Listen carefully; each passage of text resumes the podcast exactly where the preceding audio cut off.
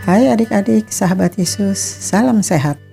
Kita bertemu lagi dalam renungan hari ini. Tante yakin adik-adik selalu rindu akan firman Tuhan. Tema renungan kita hari anak ini adalah Merly Madeline.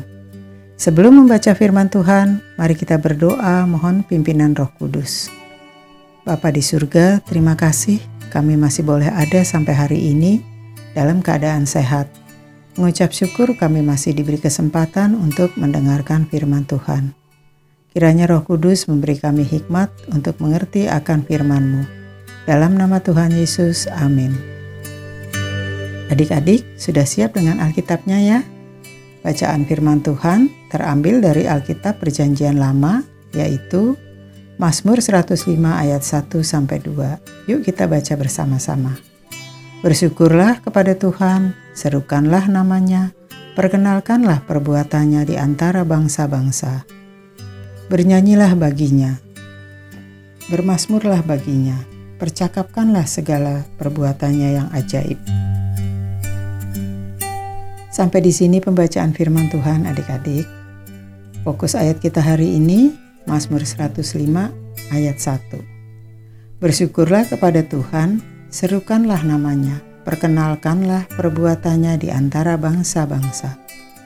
Adik-adik, berikut ada kisah seorang anak perempuan yang menginspirasi kita. Yuk kita dengarkan.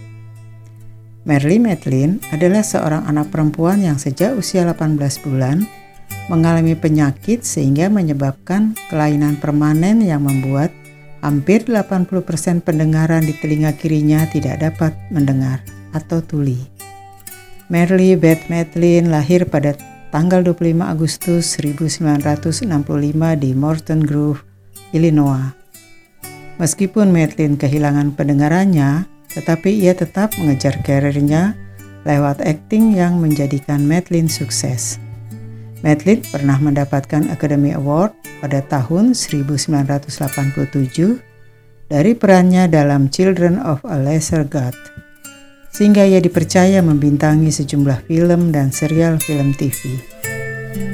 Orang tua Madeline hanya sebagai dealer mobil bekas dan penjual perhiasan, tapi mereka tetap memilih mendidik Merly di sekolah umum daripada mengirimnya ke sekolah khusus. Madeline mulai belajar menggunakan bahasa isyarat sejak usia lima tahun. Meskipun orang tua Madeline kesulitan dalam berkomunikasi dengan bahasa isyarat, tetapi mereka tetap membesarkan Madeline dengan penuh kasih. Madeline memulai bakat aktingnya ketika ia mengikuti program di Center of Deafness. Program ini menyatukan anak-anak tunarungu. Madeline mendapat peran utama sebagai Dorothy dalam produksi The Wizard of Oz. Dalam keterbatasannya, Madeline terus mengejar cita-citanya hingga dewasa. Ketekunan Madeline menjadi inspirasi bagi banyak orang. Nah, adik-adik, saat kita sedang dihadapkan pada situasi kehidupan yang kurang menyenangkan, sebaiknya kita tetap berusaha dan mengucap syukur. Dari kisah hidup Merly, kita dapat belajar bahwa kita harus mengucap syukur dan berusaha atas apa pun kesulitan hidup yang kita hadapi. Pemazmur selalu bersyukur dan memperkenalkan perbuatan-perbuatan Tuhan dalam kehidupannya. Adik-adik, mari kita mau katakan, Aku bersyukur atas perbuatan Tuhan. Sekali lagi ya, aku bersyukur atas perbuatan Tuhan. Kita akhiri renungan hari ini dengan berdoa.